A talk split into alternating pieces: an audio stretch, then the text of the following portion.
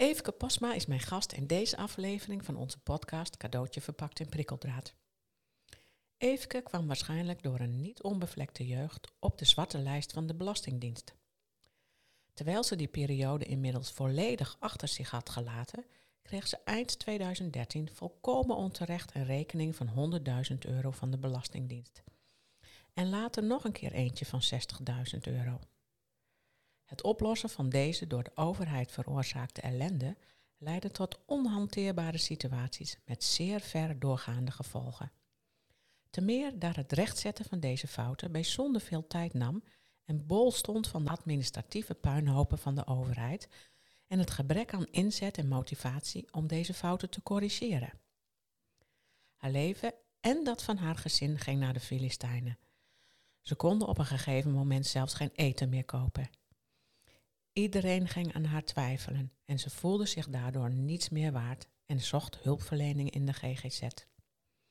Die kreeg zij ook door te accepteren dat ze een aantal gezochte ziektelabels kreeg, want het hebben van onterechte en door de overheid veroorzaakte enorme financiële problemen is geen reden voor het krijgen van adequate hulp.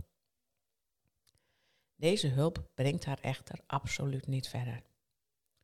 Ten slotte klimt ze uiteindelijk samen met haar partner uit het diepe, diepe dal. Ze leert heel veel over het maatschappelijk gebeuren en zichzelf van deze gitzwatte periode in haar leven en heeft besloten om een bijdrage te willen leveren aan het veranderen van die bijzonder foute systemen in ons land. Want zij heeft het uiteindelijk overleefd. Maar hoeveel zijn hier inmiddels al echt aan kapot gegaan?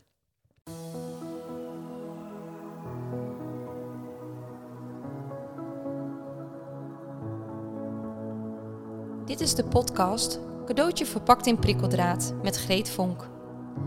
Moeilijke tijden zijn ook cadeautjes, hoe lastig ze ook zijn. Helaas zitten ze wel verpakt in prikkeldraad. In deze podcast willen we je inspireren en kennis aanreiken, waardoor je een andere kijk krijgt op de ellende van jezelf of van iemand anders. Met als uiteindelijk doel om een completere versie van jouzelf te worden en of om dat proces bij de ander te ondersteunen.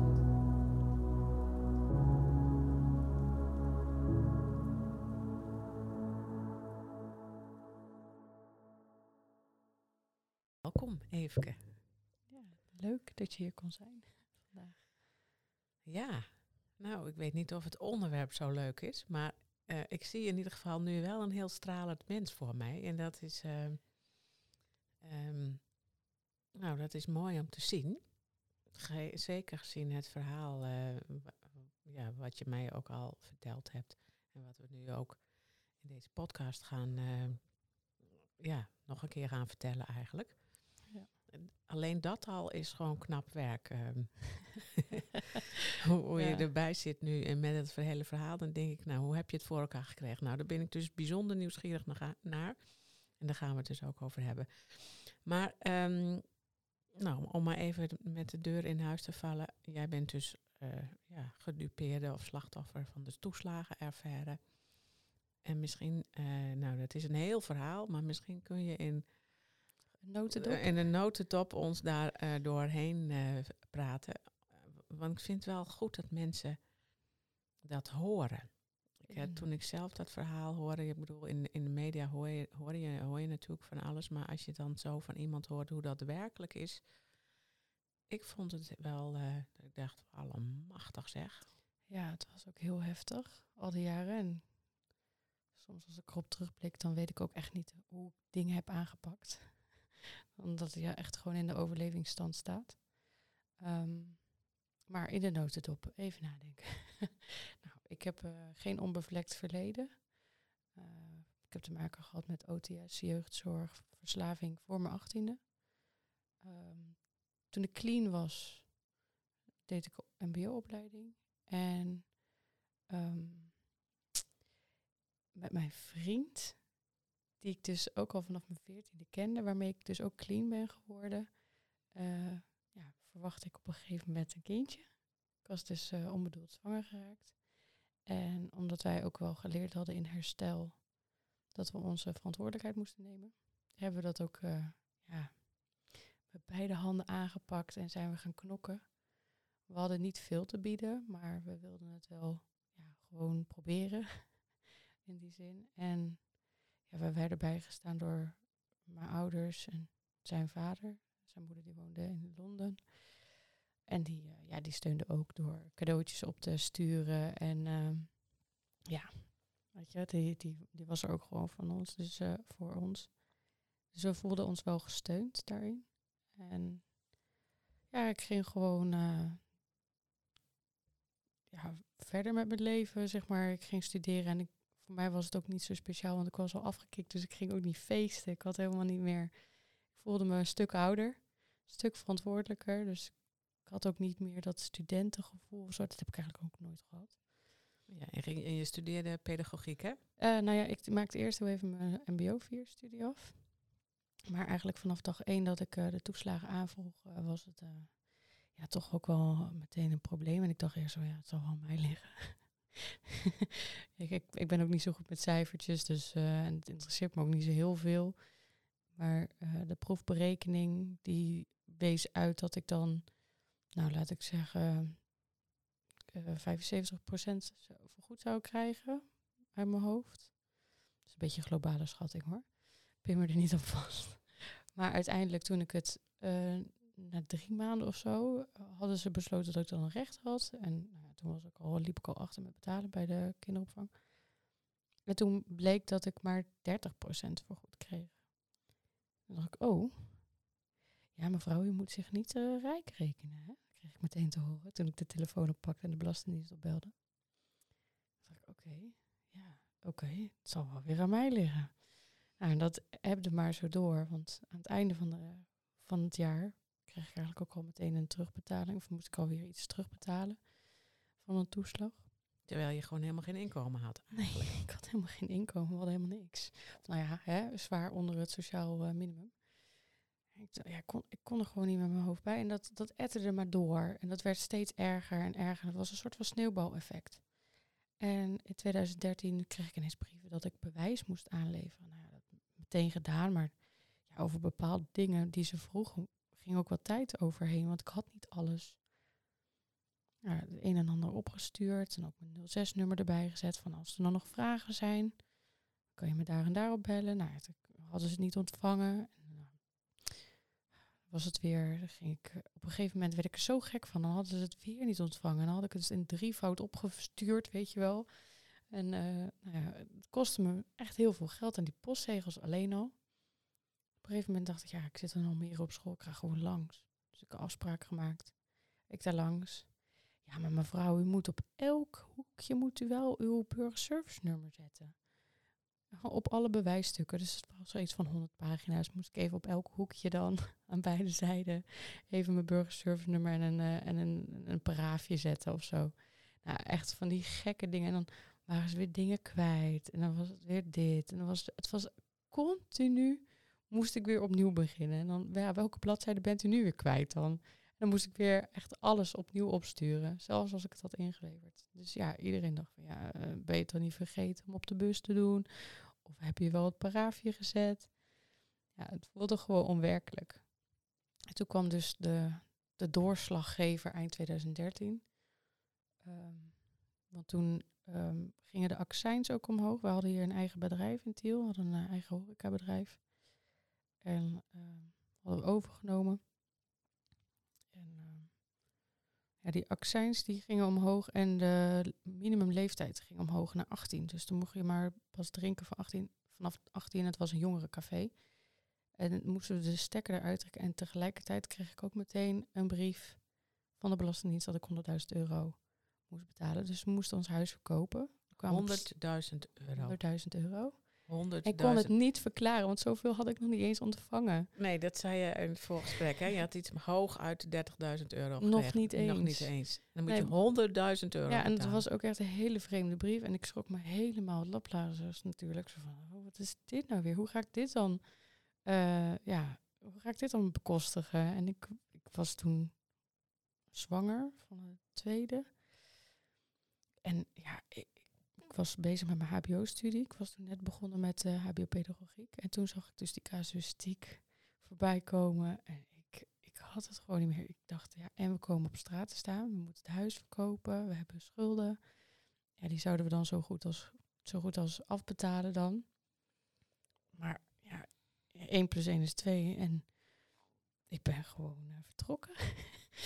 ja, dacht, ja, weet je, ook met die berichten destijds van het CEB, dat je gegijzeld kon worden totdat je die dingen moest betalen aan de overheid. Ik was zo bang om opgepakt te worden of in een cel terecht te komen en mijn kinderen kwijt te raken. Ja, en toen per toeval kwamen we, ja, we gingen op vakantie in, in Turkije. Toen kwamen we in contact met de locals daar en toen konden we een huis huren, daarvoor echt een habbekrats vergeleken met hier. Toen dachten we, nou, blijven we gewoon daar. Gewoon gevlucht. Ja, gewoon gevlucht voor het systeem uiteindelijk wel teruggekomen en aangevochten. En het gekke was ook dat wanneer ik belde naar de Belastingdienst, want nou, ik kwam terug en toen zeiden mijn ouders van haar, kom maar bij ons wonen, dan gaan we je helpen. Want ze dachten ook echt dat het aan mij lag. Zo van, nou, dan komen we je wel helpen, want uh, je hebt er een potje van gemaakt. En uh, toen steeds meer merkte mijn vader ook wel op dat het, dat het niet klopte. Dat er zelfs bij hem raakten de brieven continu kwijt. Elk, echt, ik heb de bonnetjes nog dat we het aangetekend hebben verstuurd. En dat we daarna een brief kregen van, oh, maar nu hebben we het wel ontvangen. en dat ze daarna weer stukken kwijt waren geraakt. En dat we het dan per mail nog even mochten aanvullen. Terwijl we het al hadden verstuurd. Nou ja, ook gewoon dat hij dan dat, dat ik belde in eerste instantie en dat ik het gesprek startte bij de belastingtelefoon en dat er gewoon heel vreemd en vijandig tegen mij gesproken werd. En dat mijn vader dan het gesprek overnam en dat er dan ineens de toon zo desdanig veranderde met respect en ja meneer en gewoon met twee woorden spreken. En terwijl ze mij gewoon echt elke keer zei van ja nee mevrouw dat... Uh, het was continu nee. Nee, maar dan heeft u het niet goed gedaan. Nee, maar dan had u het beter moeten doen. En echt gewoon heel naar. Zo van, ja, maar ik heb het al gedaan. En dit is al geregeld. En u heeft het al uh, aangepast. Waarom is het dan weer nu in plaats van zoveel duizend, zoveel duizend euro? En ja, was het gewoon niks was mogelijk. En dan nam hij het gesprek over. En dan was het ineens, oh, maar dan kunt u het ook mailen. Terwijl als ik belde, was niks via de mail mogelijk. Wilden ze ook nooit terugbellen geen afspraken mogelijk. Geen. Het, het is. Je kan gewoon niet voorstellen dat het mogelijk is. Omdat. Ja, je denkt toch gewoon dat er mensen zijn die. die in dienst zijn van de inwoner van Nederland. Maar mhm. Zo voelde het bij mij niet. Ik voelde mij niet gesteund door deze dienst, laat ik het zo zeggen. Integendeel. Integendeel. Ja. Ja. En, en toen lukte het jouw vader om, uh, om, om die ton uh, terug te brengen naar uh, eh, 9000 euro. Ja, dus, we hebben het samen gedaan, want ik heb ook heel veel gedaan. Ja, maar, maar, goed, maar dat hij zijn naam en, en, en, en stem, dat, ja, dat heeft wel geholpen. En dat werd toen 9000 euro. Dus nog steeds onterecht, maar dan hadden jullie zoiets van, nou, dat gaan we nou maar betalen. Ja, ik dacht, ik ben, nou ben ik klaar mee, want we waren toen bijna een jaar verder. Ik was toen in verwachting van de derde en ik wilde weer samenwonen. Ik dacht, het zal me het zal mijn worst wezen. Ik ga niet verder strijden. Want die stress, dat is ook helemaal niet goed voor de baby. Ik weiger om nog veel meer stress te ervaren hiervoor. Dat is me niet waard. Ja, precies. Dus ja, ook gewoon in het belang van de baby heb ik dat gewoon losgelaten. Ja, en kort daarna escaleerde de boel weer.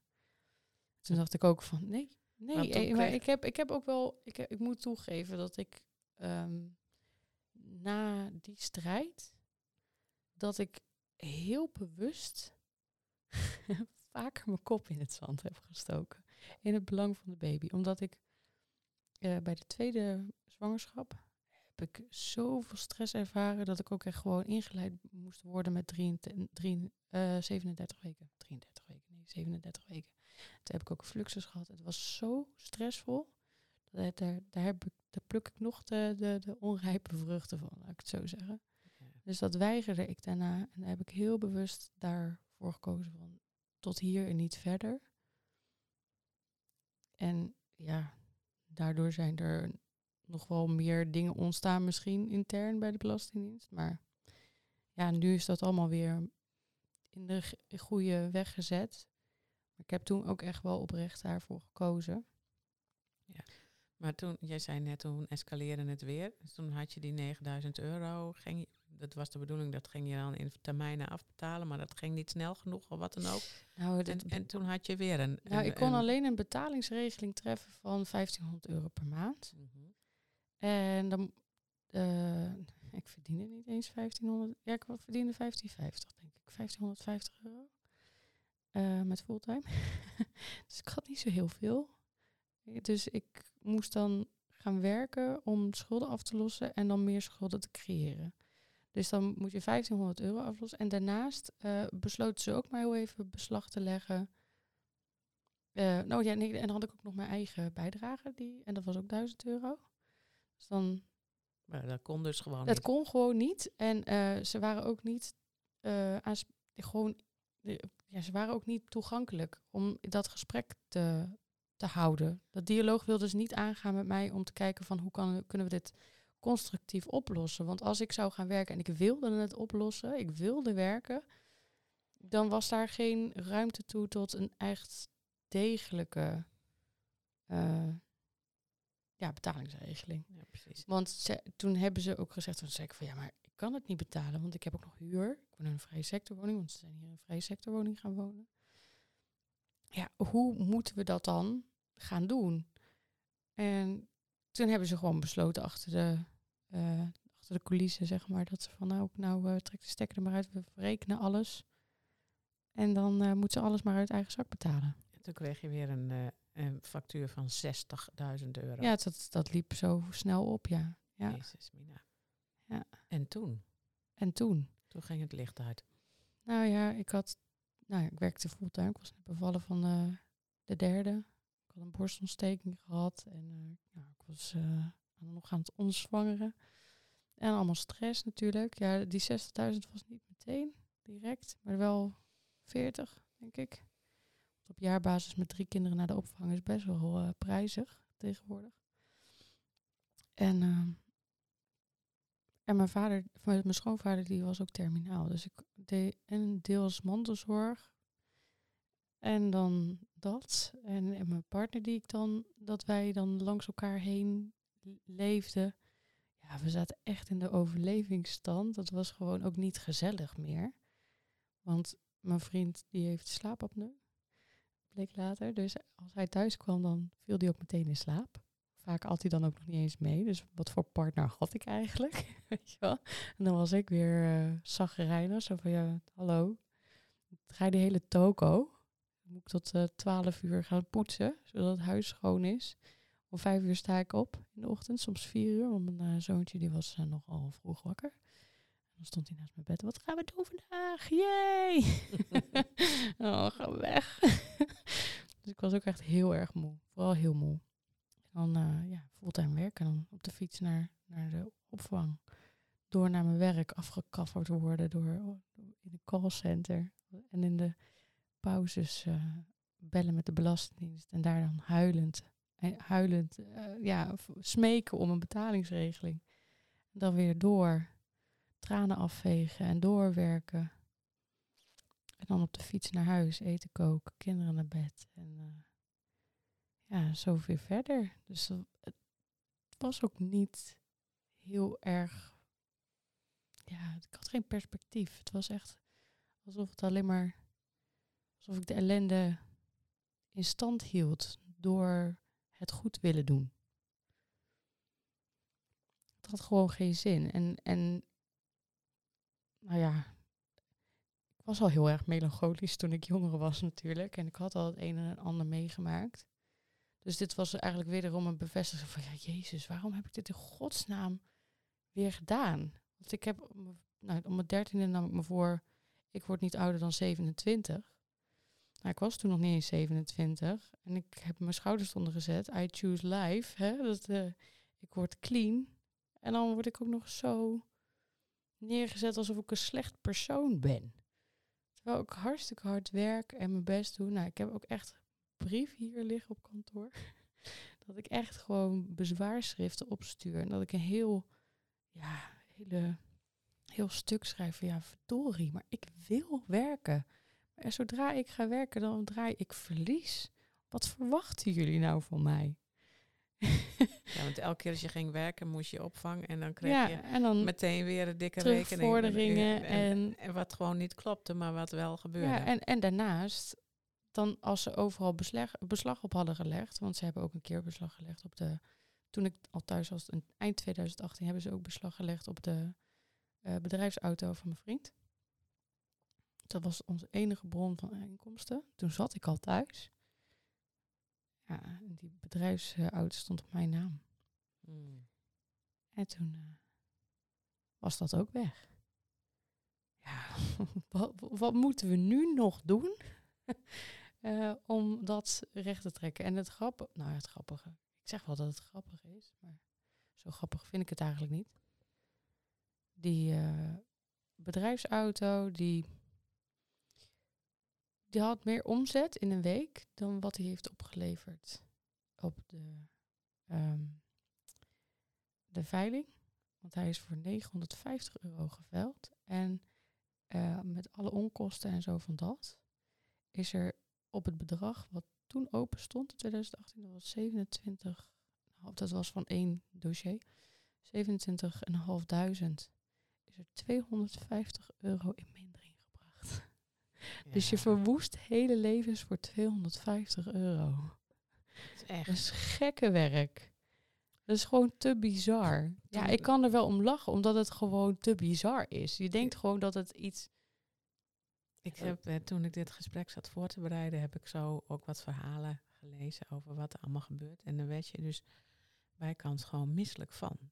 Ja. di- Dit is zo ingrijpend en zo niet te begrijpen Je eigenlijk. wordt er ook heel cynisch van. Als je dan ook die, die ondervragingscommissie en dat, dat hele panel wat toen vorig... Was dat vorig jaar of het jaar daarvoor? Volgens mij was dat vorig jaar. Toen werden er ook allemaal vragen gesteld. En daarna is het eh, kabinet ook eh, opgestapt.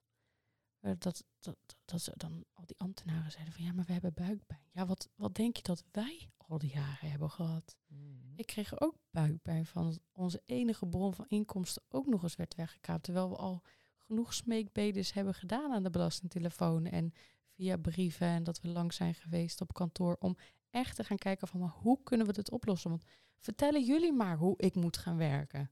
Vertel het mij maar, want ik ben echt tot op het bot afgebroken, gewoon helemaal weggekwijnd in onzekerheid. En ik moet mijzelf nog heel even gaan verkopen op de arbeidsmarkt voor ja, eh, niet het minimumloon, want dat kan ik qua blijkelijk niet eh, bekostigen op die manier. Dus ik moet ook nog voor de hoofdprijs ergens aan de slag gaan. Maar hoe dan? Hoe zien jullie dit voor je? Want dat heb ik echt serieus gevraagd. En na de, ik ben in Utrecht op kantoor geweest, eind 2018, nadat eh, de bus in beslag is genomen. En ehm, nadien we hebben afspraken gemaakt. Ik moest weer in beslag eh, of in bezwaar gaan. En toen belde ik later op. Van, ja, eh, is dat bezwaar aangekomen? Toen zei ze, ja, nou ja, we weten ook niet waar dat bezwaar voor is. Maar u heeft er allemaal cijfers op gezet, allemaal dossiernummers. Eh, aanslagnummers, hoe je dat ook wil noemen. Eh, maar we weten niet waar het voor is, dus we hebben het maar gewoon geseponeerd en eh, we doen er niks mee. Ik zeg, ja, maar dat zijn de afspraken die ik heb gemaakt bij jullie op kantoor. Dat zijn volgens de instructies van jullie. Welk kantoor? Ik zie hier in het systeem dat u niet bent langs geweest. Ik zeg, ja, maar ik heb een uitdraai. Uit jullie printer, met jullie, met jullie nummer erop. Ik ben echt langs geweest. Ja, ja, dat zeggen ze allemaal. Dan weet je wat dat ik denk, maar hoe dan? ja, en toen heb ik ook echt iemand in- ja, gevraagd om het eh, over te nemen. Ik heb het toen uitbesteed. Ik kon het toen niet meer, ik trok het Nee. toen, toen niet meer. Toen was ik echt zo pislink. Ik, ik, ik verbaas me soms nog wel eens dat er niemand eh, is geweest die daar een aanslag heeft gepleegd. Want soms echt, ik stond echt... eh, nou, niet dat ik een aanslag wilde plegen, maar Nou, gewoon pure wanhoop. Waar ik je was dan- wel pure wanhoop, maar ik was zo giftig dat ik bijna zelf eh, is, eh, gewoon eh, on- lichtelijk onvlambaar was, zeg maar. Ik had ze echt door de telefoon heen willen trekken op sommige momenten. Nou, dat Echt. snap ik heel goed. Want het is Oh. natuurlijk super onrechtvaardig. Ja, maar Elke- elke we hadden, we he- ja, we hebben gewoon tijden gehad dat we gewoon helemaal niks in de koelkast hadden. En dat ze dan gewoon, mm, gewoon uitlachten bij de belastingtelefoon. Van, ja, ga je toch weer bij je ouders op de zolder slapen? Want ik zei ook van, hoe ga ik dit in godsnaam doen? Vertel me maar. Ja, dan moet je maar weer bij uw ouders gaan wonen. Ja, maar dat... Hey, en, en je hebt ergens in die periode heb je ook eh, wel op een gegeven moment geestelijke gezondheidszorg eh, Ja, gevraagd. Hoe, hoe ging dat? En, ja eh, ik heb wel gevraagd ook om, om hulp bij eh, de gemeente. Daar liep ik ook van het kastje naar de muur. Ik was of, ja, of ik moest stoppen met werken, of ik moest juist meer gaan werken. Ja, wat dus gewoon geen optie was. Ja, of ik was niet ziek genoeg. Ja, op een gegeven moment dacht ik ook van ja, maar ook met toen met dat ik in de ziektewet zat en dat ik eh, op een wachtlijst stond. Want ik had dan een diagnose op een gegeven moment gekregen. Eh, depressief. Maar ik, toen was ik weer uitbehandeld. En toen zei ik, maar ja, ik ben helemaal niet uitbehandeld. Ik heb nog steeds veel last hiervan. Ik ben moe. Ik heb een kort lontje. ik was niet te genieten. Ik kon nergens meer tegen. Ik was prikkelbaar. Ik was boos. Ik was heel boos. Ik was zo'n boze moeder. ik kon niks. Ik kon echt niks hebben. Ik was gewoon echt niet te genieten. Ik had ook helemaal niks meer. Nee, Ik had geen waardigheid meer. Ik was maar gewoon een soort van voetveeg geworden of zo. En dan is het ook wel logisch hè, dat je je zo goed zo voelt. Ja. Ja. En het, het was ook wel te verklaren, maar op dat moment had iedereen oogkleppen op, want de Belastingdienst deed alles goed. Dus ze gingen het bij mij zoeken. En dan, ja, dan zou dat dan wel bij jou liggen. Ja, dan ga je natuurlijk zoeken naar jezelf. Van waar zitten mijn tekortkomingen? En waar, dan krijg je dus wel een ziektebeeld, hè? Dus leg de DSM, de DSM 5 er maar naast. En je hebt het, eh, ja, dan moet je gewoon een etiketje krijgen van, ja, maar als jij nu verder behandeld wilt, wo- wilt worden, dan moet er toch nog een extra etiketje op, eh, mevrouw Postma. Dat heb je Ja. ook gedaan. Ja, nou ja, ik had natuurlijk al vanuit mijn verleden heel veel testen gezien en gedaan. En nou ja, ehm, ja, ook met het ADHD en zo. Ik was toen ook verslaafd aan, eh, aan speed. Dus dan heb ik ook het een en ander ingevuld. toen dacht ik, oh lekker, dan kan ik het gewoon op recept krijgen. Maar dat was heel anders dan speed natuurlijk. Die eh, amfetamine of die uh. Of dan kreeg ik langdurige werking. Concerta. Nou, vond ik drie niks. dus dat heb ik toen weer weggegooid.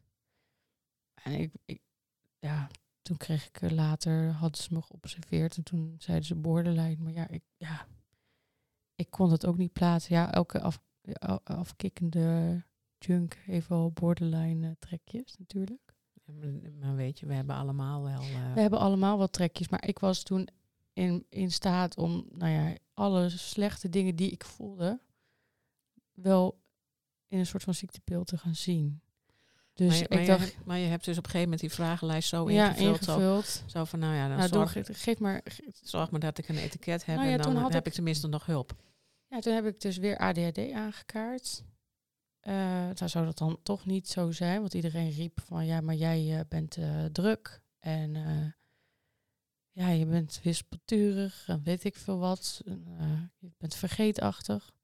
Nou, ik weet nu dat als mijn, mijn, mijn hoofd vol zit, dat ik inderdaad vergeetachtiger ben met afspraken. Er zijn, Maar wel, er zijn wel meer mensen die we hebben. all, denk ik dan. ja, als ik overloop, dan vergeet ik wat meer. Ja, en dan is de kans groot dat ik ook mijn sleutels vergeet. Dus mijn kinderen herinneren mij daar altijd aan dat ik mijn sleutels mee moet nemen. Moet ik altijd om lachen. Maar ja, weet je, ik, ik weet het allemaal niet of ik echt ADHD heb. Maar nou, toen moest ik dus aan de medicatie. Dat heb ik toen een tijdje geslikt.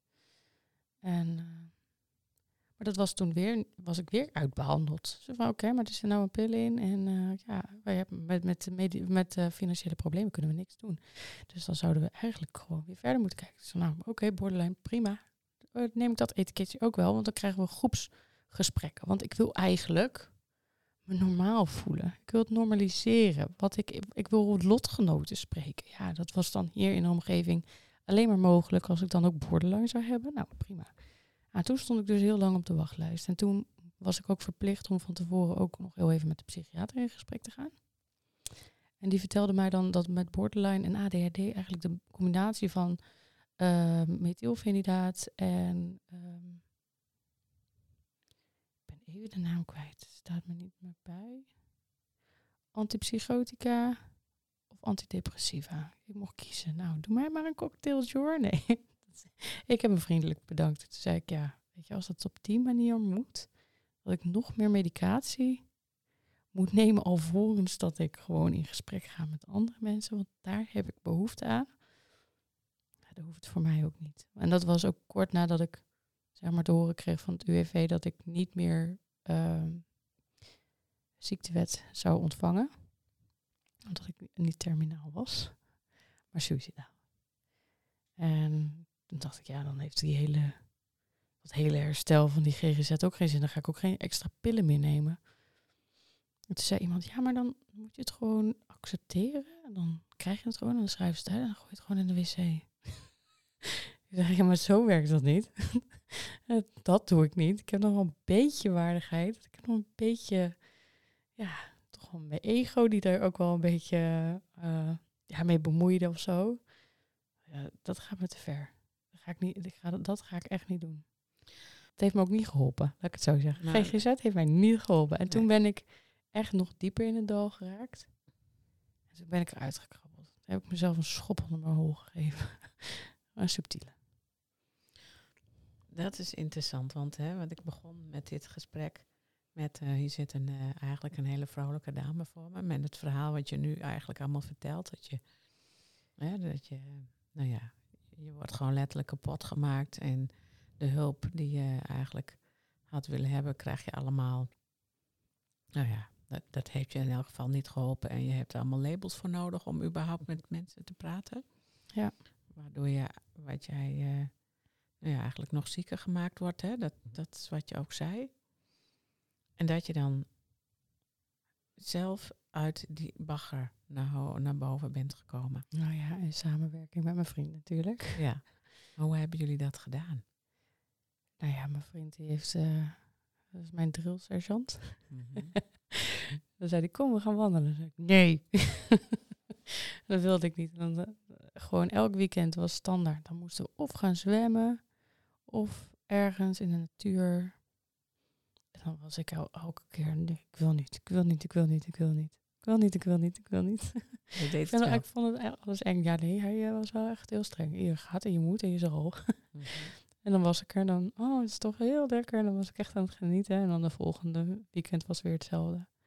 Ja, en ik was ook heel erg aan het zoeken. Want alle. Ik was altijd heel erg in psychologie en zo. Maar ook ja, met de komst van de DSM-5 had ik daar ook al een soort van weerstand voor gekregen. Ook met de HBO-pedagogiek, dat ik dat allemaal zag. Dacht, ja, dit, dit, dit is niet hoe ze het ooit hebben bedacht. De psychologie is heel mooi en, en menskunde. En, maar zoals het nu werkt, werkt het gewoon niet. En toen ben ik heel erg gaan zoeken naar zelfhulp. Um, ja, de gurus eigenlijk. En ben ik ook gewoon op internet gewoon gaan zoeken naar wat bij mij aansloot. Zonder pillen, zonder gekkigheid, zonder meer geld te hoeven moeten uh, uitgeven. Gewoon kijken naar wat werkt wel bij mij. En uh, zo ging ik mijn eigen grenzen verleggen. Dus ik ging steeds meer plezier krijgen in dat wandelen en in dat ja, naar buiten gaan. Want ik isoleerde mezelf helemaal. Ik was echt ongezellige huismuts, zeg maar. en uh, ja, oh, dat, ja, ja, dat in samen, wat we net ook een beetje hadden besproken, van, uh, ik trad ook naar buiten. Dus ik ging heel erg naar de basis kijken van oké, elke ochtend uh, een glas water naast je bed bijvoorbeeld. Gewoon veel water drinken. Zorg goed voor je brein. Nou, dat, want als er balans is, kan je dat ook op een bepaalde manier reguleren. Dus water. Nou, Stap 1. Je bed opmaken. Goed voor jezelf zorgen. Je, je haar borstelen. Want zelfs dat vond ik moeilijk. Gewoon voor mezelf zorgen. Je tanden poetsen. Gewoon echt die basics. Dat was voor mij, die, dat hele dagritme, ja, was voor mij gewoon hartstikke moeilijk geworden. Want ja, ik zag de zin van het leven gewoon niet meer in. Mhm. Maar wat voor zin heeft het om mijn haar te doen? Voor wie? ja, dat is eigenlijk wel logisch, hè, voor jezelf. Maar dat was voor mij, ik haat mezelf. Want ik maakte overal een puinzooi van. En ik ging echt in die overtuigingen van de buitenwereld ging ik gewoon geloven. En ook van, ja, ik kan, ik kan ook helemaal niet voor mijn kinderen zorgen. Ik was bijna in staat om de kinderen naar de belastingkantoor te brengen. Zo van, ja, zoek maar uit wat jullie ermee gaan doen. Want ik kan ze geen eten meer geven. Dat zo, in die staat was ik af en toe ook. Maar ja, die, Oh, dat echt, keerpunt... joh, ik krijg gewoon buikpijn. ik heb het verhaal een paar keer gehoord, maar als je het dan zo vertelt, het is... Hè, wat jij ook vertelde in het begin van... Hè, ehm, Ja, maar over- niemand die het ook snapt. De mensen denken ook van, ah joh, maar dat is gewoon een boete, die moet je gewoon betalen. En het is ook niet dat ik het niet wilde, want sommige mensen die denken echt van, oh je krijgt een brief op de bus, zoals een tandartsrekening of je bent te laat, dus een boete van 15 euro of 50 euro. Maar ze hebben nooit overzien dat die schulden zo torenhoog waren dat het mijn hele, de hele levenskwaliteit van mij en mijn kinderen wegnam. Ja. En dat, als dat niet behapbaar is, ja, eh, nou ja, vorige week heeft de Raad voor Volksgezondheid en Samenleving ook een advies gegeven over het kwijtschelden van schulden, eh, ook landelijk. En dat dat dan, ja, eh, niet kwijtschelden, sorry, ehm, dat het een soort van schuldsanering is, maar dat het dan ook wel wat sneller, dat het proces versnelt. Ja, dat, dat- is echt wel heel erg van invloed. Want als jij, wat ik dan ook heb gemerkt, hè, ik heb die omslag gemaakt, ik ben positiever gaan denken. Ik heb gewoon kleine stapjes. Ik heb ook wel mezelf, de, nou, mezelf ook. Ik vond het lastig, maar mijn partner heeft ook gewoon gezegd: Oké, maar dan ga ik werken en dan blijf jij thuis. Dan is gewoon die basis is goed voor de kinderen, is ook beter voor de kinderen. Komen er ook niet meer schulden. Doe jij het huishouden en dan werk ik mij drie keer in de ronde. En, en zo hadden wij het ingericht. Gewoon ja, best wel constructief eigenlijk bijna. Maar dat, dat was het toen. En nou ja, ergens begon het toch ook wel te kriebelen. Ik ging ook andere mensen helpen vrijwillig. Ik ging ook eh, markten organiseren op school.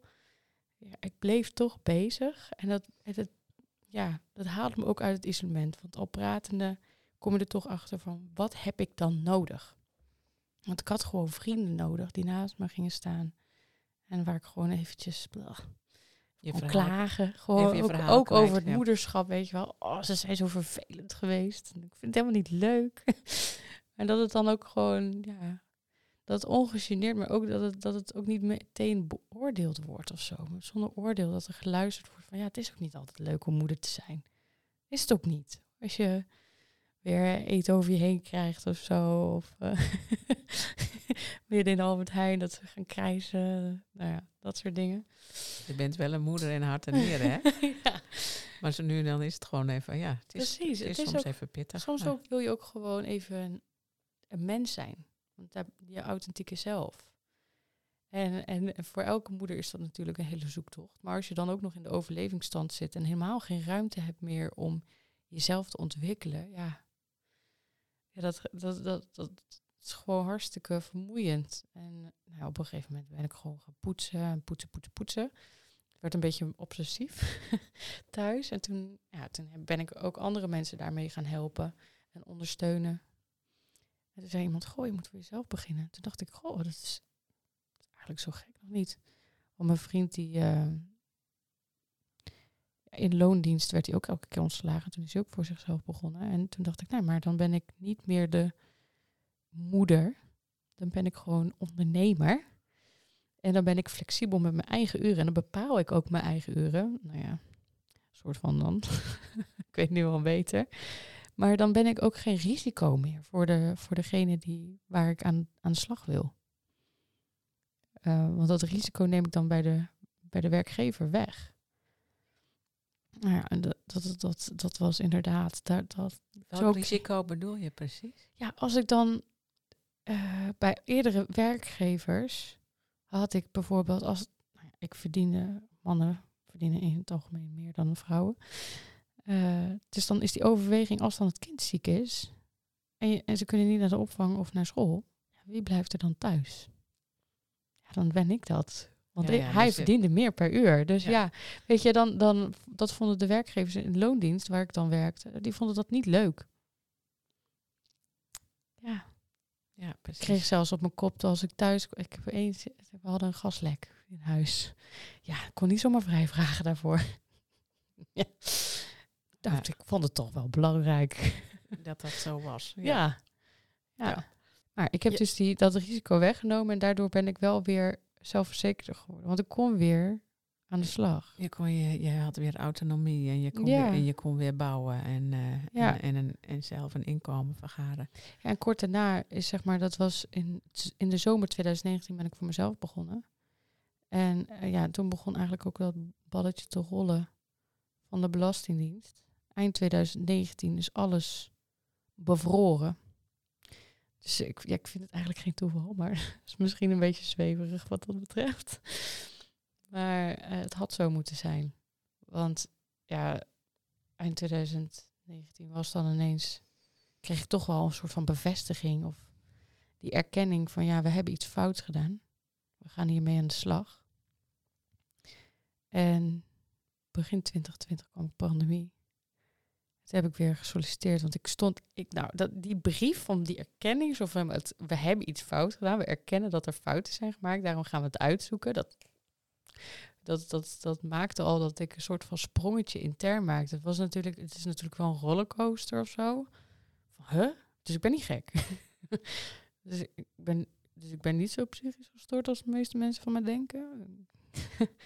Ja, dat het- is, dat is wel erg, hè? Dat je door, door de hele, Ja, ja. ook de, oh, de hele wereld, ook mensen om je heen, ja. die aan je gaan twijfelen. ja, iedereen twijfelde aan mij. Ook mensen die heel dicht bij je staan. Ja, ja zelfs mijn partner die, eh, die twijfelde aan mijn geestelijke gesteldheid af en toe. Ja. Eh, ja, maar- ook gewoon op andere gebieden. Van, ja, maar ja, je maakt altijd een potje van je administratie. Ja. Ja. Dat is wel... Ja, nou ja, het, het, Maar, maar die, die herkenning, hè, die, die deed heel veel. die deed heel veel, ja. Want ik durfde toen ook gewoon... ehm, nou ja, ik durfde toen ook gewoon weer te solliciteren. Want ik was toen... ehm, ik was toen gestopt bij een opdrachtgever in december. En toen was ik aan het kijken van ja, wat ga ik nu doen? En toen kwam, de, kwam die, die, die, die nieuwsberichten vanuit Wuhan. En, eh, en mijn vriend die heeft zo'n spelletje ooit gespeeld. En die zei, dit gaat serieus worden. Oké. Toen dacht ik, oké, dan moet ik nu in loondienst, dacht ik. Dat was een soort van ingeving. Eh, nou, en achteraf was dat ook wel een goed iets.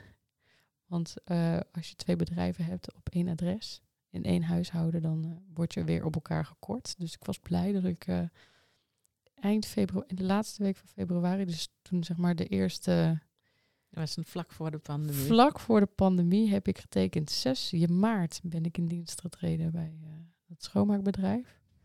Toen was ik ook meteen ziek. Eh, maar ja, ik had toen echt wel een soort van ja, slag gemaakt. En ik, en ik voelde me ook veel meer geruster of zo. De, naarmate je vaker een traumatische ervaring meemaakt, eh, ja, word je toch veerkrachtiger op de een of andere manier. Zo voelde het voor mij. Want eh, begin 2019 eh, ja, hadden we ook weer een hele harde financiële tegenslag. En toen was ik juist heel, ja, heel positief. Toen ik zei, "Poh, we hebben al zoveel meegemaakt samen, maak je maar niet druk. Tegen mijn partner, van dit overleven we ook wel. Mooi, hè? Ja. ja, nee, maar ja, kom maar op, wereld. Dat en elke tegenslag weer, ja, krijg je dat nog sterker. Zo van, ja, maar dat, dat heb ik al. pff, Dit is piece of cake. Ja, ja, precies. Kom maar door. Maar als jij nu terugkijkt, hè, want, want nou ja, dit is ook wat ik zag, hè, zo van, eh, je, je, gewoon stralende ogen, het gaat prima met je. Als je nu terugkijkt, wat zijn dan hè, dat bewegen, dat je weer in beweging kwam, dat je water ging drinken, dat je met mensen ging praten, dat je open werd over wat er allemaal gebeurde. Dat het normaliseren vooral. Hè? Dat, je, dat je het ook die herkenning bij andere mensen, dat het gewoon normaal is, eigenlijk wat je voelt. En o- ook zeg maar in het proces met de toeslagenaffaire, dat je in contact komt met medegedupeerden. En dat, ja, dat, je ook wel patronen ziet ontstaan. Ja. Van heel veel vrouwen die zich, hè, heel veel vrouwen die diagnose borderline hebben, bijvoorbeeld. Eh, heel, veel kin heel veel kinderen die ADD hebben, onhandelbaar zijn. Ja, dat is gewoon typisch. En dat je dan denkt van ja, maar dit, dan, dan klopt het toch ergens niet. Nee. Want dan valt het toch eigenlijk wel mee hoe ziek en hoe zwak we zijn. Want zo zwak zijn we niet. En zo kwetsbaar zijn we ook niet. Maar we hebben het systeem gewoon tegen ons. ja, en goed ook. En goed ook, ja. Jij bent nu, ehm, je hebt nu een, eh, verschillende banen. Ja. En ehm, in een van die banen, nou ja, zijdelings, hou je ook nog een klein beetje bezig met de nazorg voor de gedupeerden. Ja, Hoe, hoe kijk jij daar nu naar? Wat is daarvoor nodig? Want dat is, nou ja, jij zit er nu goed bij. Maar er zijn er een hoop die echt wel nog stevige trauma's eh, hebben op te lossen. Ja, nou ja, in die zin mag ik me gelukkig prijzen dat ik ook wel he- heel veel kennis daarover heb. En dat ik die tools ook wel beschik om dat als ik dan weer in een dieper dal raak, hè, als ik dan weer een debat volg of zo en ik word s- enorm getriggerd en weer met migraine aanvallen op bed lig, ja, dan, dan weet ik dat op te vangen. Dan weet ik het ook te accepteren en los te laten. En dan ben ik, ja, de volgende dag, morgen weer een dag, weet je wel. Dat, Mhm. dat is het gewoon. Ehm, ja, maar sommige mensen hebben dat, dat draagvlak niet. Die hebben geen partner die, die steunt. Die hebben ook niet de ru- financiële ruimte om dan even hun leven op pauze te zetten, bijvoorbeeld. Ja, en dat vind ik wel, daar moet veel meer aandacht voor komen. En ook, ja, heel veel mensen die hebben natuurlijk die katshuisregeling gekregen, die 30.000 euro. En eh, ja, joe, zoek het maar uit. Dit is het. En ze denken dat, eh, dat het daarmee klaar is. Maar dat is het niet. Er zijn zoveel psychische klachten ontstaan. Nou ja, psychische klachten. Hè, ze- symptomen, laat ik het zo zeggen. Die dan weer aanslaan op bepaalde etiketjes. Ja, nou, en, je- en, is het dan raadzaam, weet je wel, eh, om, om daar dan medicatie bijvoorbeeld voor, voor te schrijven? Ik denk juist helemaal niet. Maar ik heb ehm, een paar podcast geleden een ehm, podcast opgenomen met een eh, psychiater, professor Dr. Floortje Schepers. Oh, die heb ik nog niet gehoord. Ja, die heeft een heel interessant boek geschreven, wat, wat je misschien ook wel echt leuk vindt. Mensen zijn ingewikkeld. En wat zij zegt ehm, is, en daar, daar zijn wij het roerend mee eens, is als mensen emotioneel uit balans raken, is dat volstrekt logisch als je de omstandigheden ehm, bekijkt. Ja, en ook als je intern kijkt, hè, want ook goede voeding, dat is ook echt iets waar ik op in heb gezet.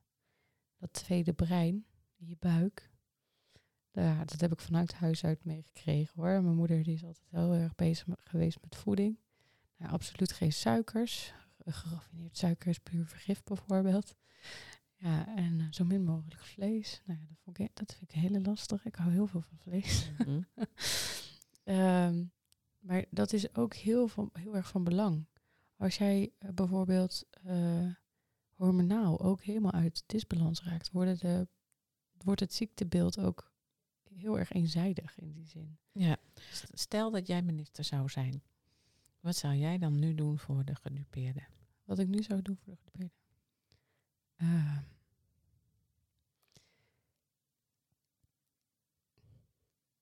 ja, dat is een goede. Iets met voeding sowieso. Toegankelijk maken. Want ik merk, ik heb nou een tijdje terug.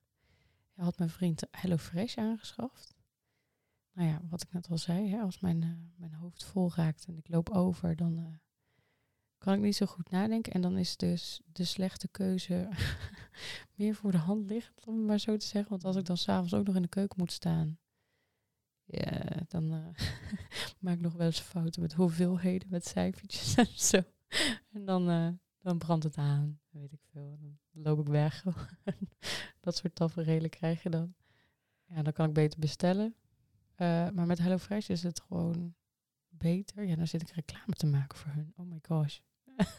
Oké, maar dan zo, niet, niet per se die dienst dan, maar in ieder geval gezonde voeding en dan met recepten erbij. En dat zou ik eigenlijk veel breder willen trekken. Want ik denk ook dat mensen die in, ja, onder het sociaal minimum leven of ja, met een bijstandsuitkering, die zijn wel gebaat. Die zijn veel meer gebaat bij um, op maat gemaakte maaltijden met recepten erbij, die ze stapgewijs kunnen volgen, dan een voedselbank. Want ik heb heel vaak filmpjes voorbij zien komen van mensen die dan zo'n voedselpakket krijgen en die niet eens weten wat ze ermee moeten maken. En als je in de overlevingsstand zit, dan ben je echt niet creatief. Dan ben je al creatief op andere vlakken, zeker. Maar op dat stukje schiet het dan tekort. En gezonde keuzes maken is dan moeilijker, omdat je dan vaak al vermoeid bent. Dus als ik nu minister zou zijn, dan zou ik in ieder geval daarnaar gaan kijken. Van hoe kunnen we de mensen zo ja, simpel mogelijk ontlasten. Ja. En, en, en, en er was volgens, heel raar. En volgens mij was er nog meer waar jij uh, heel veel aandacht voor wilde. Ja, ook gewoon op deze vlakken van, van ja, gewoon hoe je, hoe je uh, de, de psychische zorg ook inricht. Dat er veel meer uh, ja, wordt gekeken. Nou ja, ik heb jullie boek dan doorgenomen, die posttraumatische groei, dat het veel meer dat, dat de mensen in hun kracht komen staan. En dat er veel meer wordt gekeken naar de groei. Van ja, hoe kunnen we nu ja, verder? En niet dat het weer een ziektebeeld wordt, maar oké, dit is uh, nou ja, een knelpuntje. Uh, hoe kunnen we nou ja, het is, het is wel een serieus knelpunt in heel veel. Heel serieus knelpunt. Er zijn mensen echt serieus getraumatiseerd. Ja, en hoe kunnen we dat eruit masseren? Want ja, door mm -hmm. er nog meer bovenop te gooien, door medicatie of de... Ja, ja de, de, wat ik jij vind zei. Het, het, ik vind de toon van, van veel psychologen en psychiaters net niet. Dus ze hebben er hele, hele goede... Uh, uh, intenties? Nou, ik denk wel, kijk, er zijn natuurlijk heel veel, net zoals er hele goede onderwijzers zijn en minder goede, zijn er ook hele goede psychologen en ook wel minder goede. Maar het systeem is, is heel ja, het vervelend. systeem, het systeem is zo ingericht dat, dat ze afhankelijk zijn van zorgverzekeraars. En zorgverzekeraars hanteren de DSM-5. En dat vind ik gewoon heel erg lastig, want ze moeten veel meer, nou ja, ik wil niet zeggen dat jullie nou zo alternatief zijn, maar er moet veel meer gekeken worden naar alternatieve alternatieven. Gewoon dat. Nou ja, dat, dat de mensen. Uh, goed, nou, jij zei al van, je hebt ons boek gelezen. Um, um, ja, de, eigenlijk komt daarin naar voren dat je kunt heel erg kijken naar de klachten die mensen hebben. En die moet je ook heel erg serieus nemen. Ja. Want, want die, uh, met alles wat er gebeurd is, hebben mensen echt veel mensen klachten overgehouden. En, en dat is een volstrekt logische reactie op wat er allemaal gebeurd is. Met het verhaal wat jij nu ook vertelt, het is gewoon werkelijk. Ja, maar ik ben, ik ben niet die, ik ben niet een borderliner. Ik ben niet dat, die ziekte, ik ben niet mijn schuld. Ik ben niet mijn problemen geweest. Nee, precies. Kijk, het, wat, ik, wat ik net ook al zei voor de podcast, van ja, het, wordt bijna, het werd bijna gezien alsof wat er op uh, macroniveau gebeurde, hè, de, met de toeslagenaffaire, dat dat op microniveau werd aangejaagd. Dus dat dat eigenlijk door mij dat jouw ja, dat, ja, dat, mijn schuld, dat het mijn schuld ja, was. alles was jouw schuld. Ja, ja en dat, uh, dat, dat, dat, daar moet het eigenlijk van af. Dat het veel breder wordt bekeken. Want die live events, die hebben gewoon invloed op jou. Uh, ja. persoonlijke wezen. Uh, en daardoor kan je uit balans raken. En nou ja, op alle vlakken, hormonaal. En uh, ja, gewoon. Uh, ja. ja. en dat heeft met alles in, ja, wat te maken. Kijk, dat merkte ik ook toen ik bij de voedselbank aankwam. Dat ik gewoon in één week drie pakken suiker kreeg. En dat, mensen die zeggen, ja, dat is toch niet zo speciaal. Ik zeg, maar ik hoefde het niet. Ik heb geen suiker nodig. Dus dan, dan als je echt in die overlevingsstand zit en je neemt alles aan wat je aangeboden krijgt of aangereikt krijgt. En daardoor hou je eigenlijk iets in stand waardoor je minder snel kan, kan groeien. Ja, dat, dat vind ik gewoon, ja, dat is gewoon lastig. Ook voor de mensen zelf die dat inzicht nog niet hebben. En als je dan weigert, zoals ik heb gedaan, ik heb het teruggezet. Ja, die, die kreeg gewoon geschreven gezichten. Van ja, ik had gewoon dankbaar moeten zijn met wat ik kreeg. Ja, ja, ja. dat is. Het systeem houdt gewoon mensen ziek. Ja. En, dat- en, dat, en dat is gewoon waar, ja, waar ik eigenlijk naartoe wil. Dat dat gewoon weer. Dat we gewoon helen vanuit dit hele proces. We hebben fouten gemaakt. Nou, die zijn nou de grotendeels, hoop ik, erkend. Ik weet niet hoeveel eh, lijken er nog uit de kast eh, moeten komen. Maar ik hoop dat er nu al zoveel eh eruit is.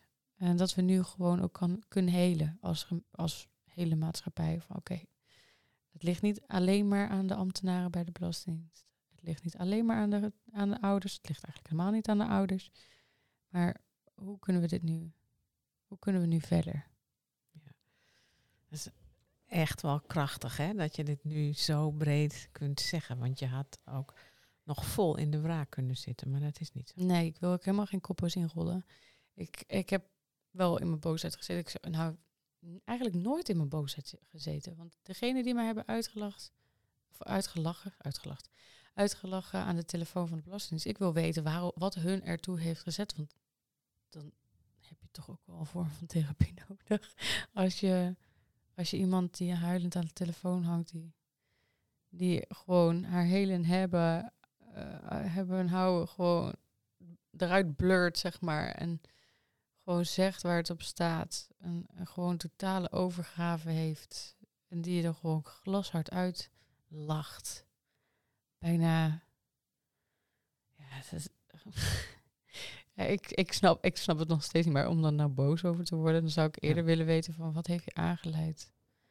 Ben je dan echt zo sadistisch ingesteld? Of, Wat is er aan de hand? Wat of nam je me echt niet serieus? Dacht, dacht je dat je geprankt werd door een collega? Of heb je het, ja, weet je, misschien is er wel een andere verklaring voor. Ja.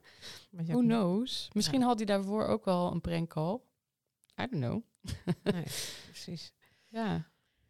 Hey, als jij nu terugkijkt, hè, nou, je had het natuurlijk liever allemaal niet mee willen maken. Ehm, maar je gaf aan, ik ben er wel heel erg sterk van geworden. Ik voel me al aankomen. Ja, dat heb ik altijd al gezegd. Ik ben hier veel sterker uitgekomen. Maar die credits krijgt de, bela- krijgen de Belastingdienst niet. Of krijgt, krijgen de mensen bij de Belastingdienst niet. Dat, Maar- dat gun ik ze dan weer niet. Maar, maar jij Ik zelf heb wel. het zelf wel gedaan, ja. Ja. En mijn partner. Ja. Op welke gebieden vind jij zelf dat je, wat merk je daarvan? Ehm, nou, ik weet nog steeds niet wat ik wil worden later als ik groot ben. Maar ik heb wel een soort van eh, missie gevonden. Dat ik toch wel weer wil werken aan een ja, goed herstel van het systeem. En ja, ik ben zelfverzekerder geworden. Want ehm, dat onderbuikgevoel waar ik ook over sprak in het interview bij de AD. Van wat ik ook als tip meegaf. van Blijf vertrouwen op dat onderbuikgevoel. Want ik heb al die jaren eh, heb ik daar heb ik er wel op vertrouwd, maar elke keer over getwijfeld. Liet ik me beïnvloeden, door de buitenwereld, alsof ik een soort van gegaslight werd door de Belastingdienst. Dat zo voelde het ook echt zo. Dat het, ja, dat gek aan het worden was. Ik werd zo elke keer nou alles wat ik deed werd in twijfel getrokken. En dat ik dat dat, dat daarna allemaal, zeg maar, dat kaartenhuis van die nar- narcistische kaartenhuis van de Belastingdienst, zo zie ik het, dat dat in elkaar stortte. Ja, dat was ja, voor mij echt van, oh, maar wacht even. dus al die dingen die waar, waar ik zo sterk vermoeden van had dat het toch echt wel klopte, maar dat iedereen zei nee. Ja, toch wel. Hate to say I told you so, de- denk ik dan heel vaak. Maar ja, het is heel pijnlijk. Maar tegelijkertijd was het ook wel heel fijn en verlichtend. Ja, dat En, en, en wat ik eh, vooral heel, heel fijn vind, en dat was nou ja, die terugbetaling eind 2020, eh, heeft ervoor gezorgd nou ja, de eerste betaling van 2020, heeft ervoor gezorgd dat ik uh, schuldvrij was. En het gekke was uh, dat toen ik over mijn problemen in verleden tijd ging spreken, dat er ineens heel veel mensen op het puntje van de stoel zaten. Terwijl ik nog steeds dezelfde even was, met nog steeds hetzelfde verhaal, alleen was het in verleden tijd. En zelfs daar heb ik heel proces in gehad. Want ik werd er ook wel heel giftig van. Verdorie. Waarom luisteren jullie nu wel? Waarom willen jullie alleen maar succesverhalen horen?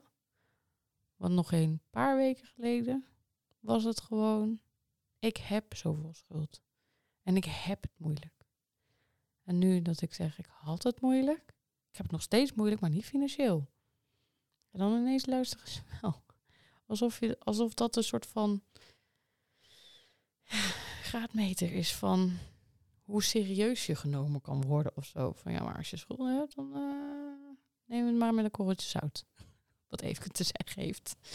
En, en dat, dat is ook wel echt een reden waarom ik denk van ja, hier moet ik me wel voor inzetten om die vertaalslag ook te maken voor de burger. Van ja, maar de, het zijn niet incapabele mensen. Het, zijn gewoon burgers. Dit, kan, dit, hele verhaal, en dit is dus nu hè, van... Uh, het kan iedereen overkomen. Het kan iedereen overkomen. Je kan, uh, dus lag ik laatst ook nog weer ergens van, van uh, ook dat je dakloos wordt, kan ook iedereen overkomen. Klopt. Het kan heel snel gaan. En ook in, in, in de hele, alle lagen van de bevolking. Maar het is ook niet heel erg, weet je, de meeste mensen hebben stereotypen in hun hoofd. Als ze denken aan daklozen. Als jij bij iemand nog kan logeren, ja, dan ben je eigenlijk niet dakloos. Want dan lig je niet onder een brug te slapen. Maar in principe ben je gewoon dakloos. Mhm. Dat realiseerde ik me over dat 2014 ook pas later. Van ja, ik was toen dus gewoon dakloos. Daarom ben ik gevlucht. Terwijl ja, weet je, ik, ik had nog ervoor kunnen kiezen om ergens op de bank te gaan slapen met mijn twee kinderen. Maar dat deed ik niet. Want ja, dat, ik was zo bang. Maar ja, dat heb ik natuurlijk al verteld. Ja, maar eigenlijk de moraal van dit verhaal, van het laatste stukje, is ook van luisteren ook niet naar mensen zonder oordeel als ze het moeilijk hebben. Zeker, vooral dat. Want als iemand als iemand gewoon naast me was gaan staan en had gezegd van goh, ja, uh, begrijp dat je het vervelend hebt. En dat heeft mijn vader ook een tijdje volgehouden. Hè? Maar hij werd er ook gek van natuurlijk, omdat hij zo tegen werd gewerkt door de Belastingdienst ja, dan, dan, dan zie je ook de waarheid in het verhaal. En dan is het niet alleen maar een broodje aap verhaal, omdat het te, surrealistisch is, om te, of te, eigenlijk te absurdistisch is, om te, ja, om, te begrijpen, maar ook om te voelen. Je moet het gewoon ervaren en, en te geloven. Ja, het, het is heel lastig, want ja, mensen hebben heel vaak gezegd, maar weet je het zeker dan even? Ligt het echt niet aan jou. Weet je zeker dat je het op de bus, hebt gedaan? Weet je zeker dat je dat, die brief hebt verstuurd? Weet je zeker dat je geen fouten hebt gemaakt met de aanvraag? Ja. Weet je het zeker? ja, weet je, het zit hem in die kleine dingen. Nou, ik, op een gegeven moment weet ik ook gewoon pist. Gewoon van, ja, hallo, ik weet het zeker. Waarom trek je dat in twijfel? Kijk, en, en dat is ook wel die, dat oordeel. En daarom ben ik ook wel ja, toevallig dat ik vandaag een, tweetje zag van Farid Azarkan. Die dan tweette van ja, er is dan iemand die, die kreeg een boete omdat hij uh, eten had gestolen uit de supermarkt. Daar kan je heel wat van vinden. En we mogen het niet. We mogen niet stelen. Klopt.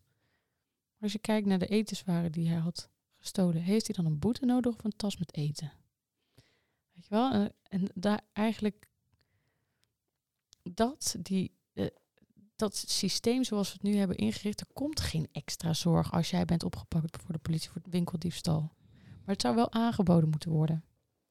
Want als, je, als we het moeilijk hebben, we zijn niet, zoals we het ook uh, horen hè, bij uh, andere therapeuten in het werkveld de kinderen die, die, die vervelend doen, die, die zijn niet vervelend, maar die, die, die, die, zijn niet moeilijk, maar die hebben het moeilijk. En ik denk dat, met, dat dat veel breder getrokken kan worden. Want mensen die zich niet aan de regels houden, die hebben het vaak ook heel erg lastig. Ja, precies. Kijk naar je medemens Kijk zonder oordelen. Inderdaad. En, En, stel eens een vraag. Hoe gaat het echt met je? ja, wees oprecht nieuwsgierig naar een ander. En sta voor ze klaar wanneer ze het nodig hebben. Ja, de meeste mensen die zijn heel bang nu om te vragen hoe het gaat. Ja. Want die hebben zelf ook geen draagkracht. En dat, dat herken ik ook wel. Ja, precies. Dus dankjewel. Ja, is er nog iets wat jij nog wilde zeggen? Of eh, zijn we er Een nabrandertje? Nee, nee, eigenlijk niet. Ik wil heel erg bedanken. Ja, en ik hoop ook wel echt dat, eh, dat gemeenten nu eh, gaan kijken naar... Ik, raad iedereen om dat boek van jullie ook nog eh, te lezen. De gemeente ook in het herstel van de toeslagenaffaire. Ja, dat zou jij graag willen, hè? Dat mensen juist Ja. groeien van de ellende en dat ze niet nog meer ziek gemaakt worden.